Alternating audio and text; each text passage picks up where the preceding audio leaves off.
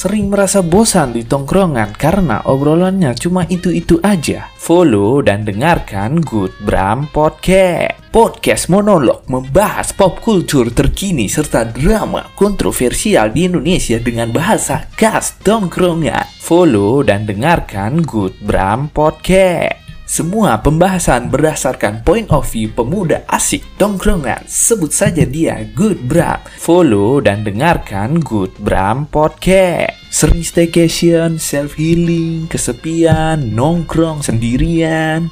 So, follow dan dengarkan Good Bram Podcast. Selamat mendengarkan. Jauhi tongkrongan toksik, dekati Good Bram Podcast.